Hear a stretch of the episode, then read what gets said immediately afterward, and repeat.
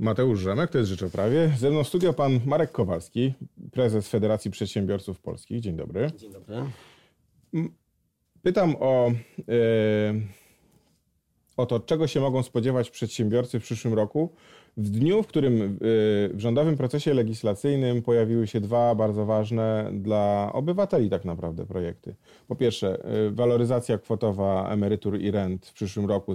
Projekt zakłada podwyżkę świadczeń o co najmniej 70 zł, podwyżkę minimalnej emerytury do 1200, co ma kosztować ZUS około 8,5 miliarda złotych.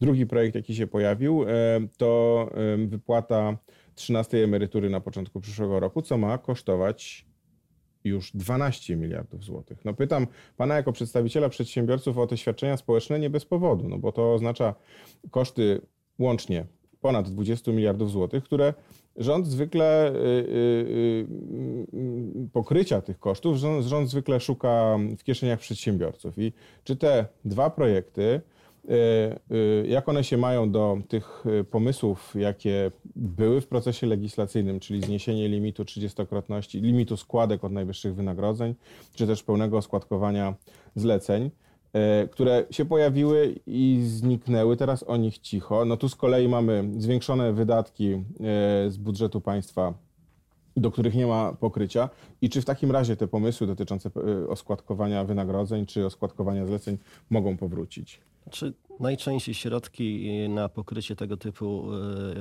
przedsięwzięć znajduje się w podatkach, więc Uważam, że szukanie tego i podnoszenie podatków dzisiaj byłoby y, niezbyt dobrym rozwiązaniem dla przedsiębiorców, dlatego że y, straci na, na konkurencyjności nasza gospodarka.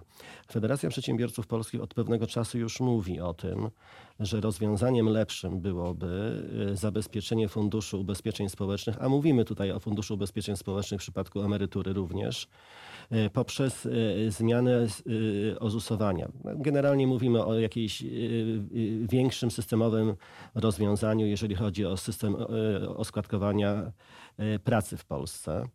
E, mówił pan redaktor, że trzydziestokrotność pojawiła się, zniknęła. Rzeczywiście była w Sejmie i z tego Sejmu została wycofana przez rząd. E, środków budżetowych w budżecie trzeba na pewno znaleźć. W naszym odczuciu, i ten projekt przedstawialiśmy już wielokrotnie, po pierwsze, każdy rodzaj pracy powinien być tak samo oskładkowany. Czyli mówimy tutaj o, o składkowaniu umów zleceń do trzydziestokrotności, bo jednak tej trzydziestokrotności się trzymamy, bo cały czas jesteśmy przeciwni zniesieniu e, limitu trzydziestokrotności i na to się zdecydowanie nie zgadzamy. Tak? Natomiast oskładkowanie wszystkich form pracy na podobnym poziomie jest nam bardzo bliskie, dlatego że to, co dzisiaj funkcjonuje, czyli ozusowanie do minimalnej, po pierwsze, zaburza konkurencję na rynku, dlatego że są sytuacje, że ktoś jest u jednego przedsiębiorcy ozusowany do tej minimalnej, idzie do drugiego i drugi przedsiębiorca może już konkurować y, z tym przedsiębiorcą, który ZUS zapłacił i ma tańsze, tańsze swoje usługi. Y, I kolejnym tematem takim, który jest dla nas bardzo istotny, jest i wydaje nam się, że to jest konieczne rozwiązanie, zmiana systemu składkowania pozarolniczej działalności gospodarczej. Na dzień dzisiejszy mamy ryczałt, który jest no, archaizmem swego rodzaju, już przestarzałym modelem, który nie zapewni na pewno osobom prowadzącym działalność gospodarczą odpowiedniej emerytury. Propozycja, którą myśmy przedłożyli i wielokrotnie pokazywaliśmy, jest taka, żeby ozusować umowy zlecenia w stosunku, e, um, przepraszam, um, umowy wynika, ozusować pozarolniczą działalność gospodarczą w oparciu o kryterium dochodowe. Czyli im większy dochód, tym większą składkę prowadzący działalność gospodarczą zapłaci. Ale to ma jeszcze jedną zaletę, dlatego że jak wiemy, działalność gospodarcza nie przebiega najczęściej liniowo, zwłaszcza u tych małych i średnich przedsiębiorców, ale te dochody w ciągu roku są w formie sinusoidy. I na dzień dzisiejszy, niezależnie od tego, czy przedsiębiorca dochód osiąga, czy też jego nie osiąga, musi zapłacić cały czas ten sam ryczałt na poziomie tam 1300-1400 zł. W tej chwili to będzie więcej od nowego roku. Nasza propozycja jest taka, jeżeli uzależniamy to od dochodu, to w sytuacjach, kiedy przedsiębiorstwa tego dochodu nie osiąga, płaci tylko podstawowe składki zdrowotne i, i, i, pozostałe, które wynoszą około 390 zł. Natomiast kiedy rzeczywiście ma te pieniądze, bo dochód osiągnął, wówczas stać go na to, żeby zapłacić nawet zwiększoną e, stawkę ozusowania. No ale tymczasem jest tak, że rząd pozostał przy tym dotychczasowym pomyśle, gdzie składki są tak naprawdę liczone od przychod, znaczy przychód ma większe znaczenie niż dochód. No teraz te zmiany miały wejść w życie od 1 stycznia są w Sejmie. Nie wiadomo, czy Sejm się wyrobi. No musiałby na piątkowym posiedzeniu przez, prze, przeprowadzić trzy czytania, a Senat musiałby wykazać bardzo dobrą wolę, żeby w przyszłym tygodniu te, te przepisy uchwalić pewnie bez poprawek, tak żeby one mogły wejść w życie od 1 stycznia. Ale to dotyczy tylko grupy 300 tysięcy przedsiębiorców, którzy mieliby zaoszczędzić w ten sposób Problem pieniądze. jest, i może odpowiem w kolejności, bo tu są dwa problemy jak gdyby. Pierwszy problem jest taki, że rzeczywiście, tak pan redaktor zauważył, dotyczy to około 350 tysięcy osób prowadzących działalność gospodarczą i to osób, które prowadzą działalność gospodarczą no, bardzo dochodową, bo połączenie 10 e, tysięcy przychodów z 6 tysiącami dochodu, no to nie wiem, to musi być działalność w zakresie e, usług konsultingowych, informatycznych, najprawdopodobniej e, tych wysokomarżowych. Rozwiązanie to naszym zdaniem nie jest dobre, bo niesie z sobą ryzyko przesunięcia części działalności z umów, na pracę, z umów o pracę do jednoosobowej działalności gospodarczej. Ale problem jest jeszcze jeden i tutaj ja zwracam na ten problem bardzo dużą uwagę, że rzeczywiście za chwilę mamy 1 stycznia 2020, a przedsiębiorcy jeszcze nie wiedzą, jakie będą musieli ponosić koszty pracy. Bo e, to, co wiemy na dzień dzisiejszy, to wiemy, że minimalne wynagrodzenie wzrasta nam e, do 2600. Wiemy, że musimy jakieś tam PPK założyć e, w kosztach pracy, które, które planujemy na rok 2020. Natomiast właśnie nie wiemy, czy temat trzydziestokrotności, czyli zniesienia tego limitu jest definitywnie zamknięty, bo różne słuchy chodzą e, po rynku. Nie wiemy, czy ozusowanie umów zleceń do 30-krotności zafunkcjonuje, a naszym zdaniem powinno zafunkcjonować, skoro jest wpisane zarówno w konwergencji, jak i w budżecie na rok 2020. Wydaje mi się, że e, rząd przespał pewien okres i nie reformuje gospodarki tak jak w czasie, którym powinien reformować. Te ustawy powinny być przeprocedowane przez parlament tak naprawdę już w październiku, bo to październik jest miesiącem, kiedy większość firm przygotowuje budżety na rok przyszły. W listopadzie startujemy już w przetargach bardzo często i w przetargach my powinniśmy wiedzieć, jakie kwoty proponować naszym zamawiającym w roku 2020. Jest to bardzo niebezpieczne w tej chwili, ponieważ je, już jakieś kwoty zaplanowaliśmy, zaproponowaliśmy naszym zamawiającym i jeżeli y, w tym momencie koszty pracy wzrosną znacząco, a zarówno w jednym przypadku, jak i w drugim to będzie nie kilka procent, a kilkanaście albo kilkadziesiąt procent, y, to może bardzo, bardzo negatywnie wpłynąć na gospodarkę, bo ciężko będzie waloryzować kontrakty poniżej 12 miesięcy. Ustawa zamówienia publiczne przewiduje waloryzację, oczywiście w przypadku zmiany minimalnego wynagrodzenia, sposobu oskładkowania umów, ale przewiduje dla umów powyżej 12 miesięcy. A co się stanie z umowami poniżej 12 miesięcy? I kolejny aspekt, może tutaj już spojrzę teraz jako przedsiębiorca, ale z punktu widzenia pracownika. Mamy sytuację taką, otóż, że te umowy zlecenia, które rozwijały się od roku 2009 gdzieś do roku 2017 bardzo dynamicznie, bo co roku mieliśmy około miliona 200 umów zleceń, spowodowały to i kiedy przedsiębiorcy realizowali literalny zapis ustawy, że pierwszą umowę zusujemy, drugiej nie zusujemy, spowodowało to, że na kontach pracowniczych niejednokrotnie może się zdarzyć, że część tych pracowników, która pracowała na umowach zleceniach, nie będzie miała samych okresów składkowych i nie uzyska prawa do, nawet do minimalnej emerytury. Y, co się wówczas stanie? Będziemy musieli uruchomić system socjalny i dopłacać do tych emerytur tych najsłabszych. Rozwiązanie, które my pro proponujemy, polega na restytucji i naprawie systemu ubezpieczeń społecznych na takiej zasadzie, żeby proporcjonalnie tym pracownikom, którzy rzeczywiście w tym systemie pracowali na umowę zlecenie, zapisać na kontach te okresy składkowe, co pozwoli im uzyskać przynajmniej minimalną emeryturę, a w przyszłości nie narazi Skarbu Państwa na dodatkowe wydatki społeczne.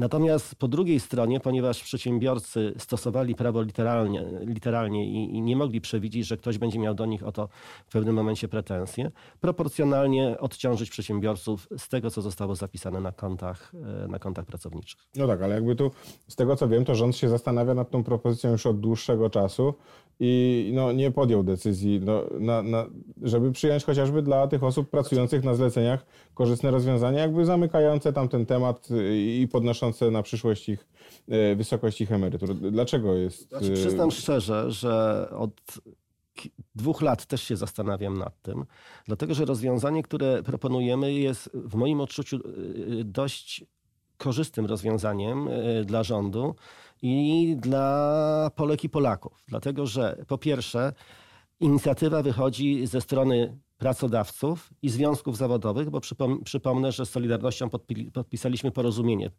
mówiące o tym rozwiązaniu.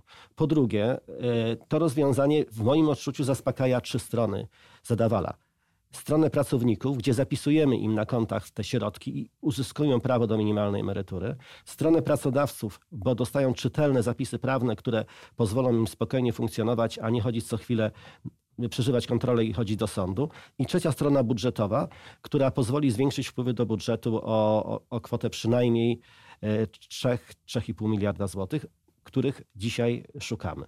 No dobrze, no ale to rozumiem, że to byłyby te 3-3,5 miliarda złotych z pełnego składkowania zleceń. Mhm, Okej. Okay.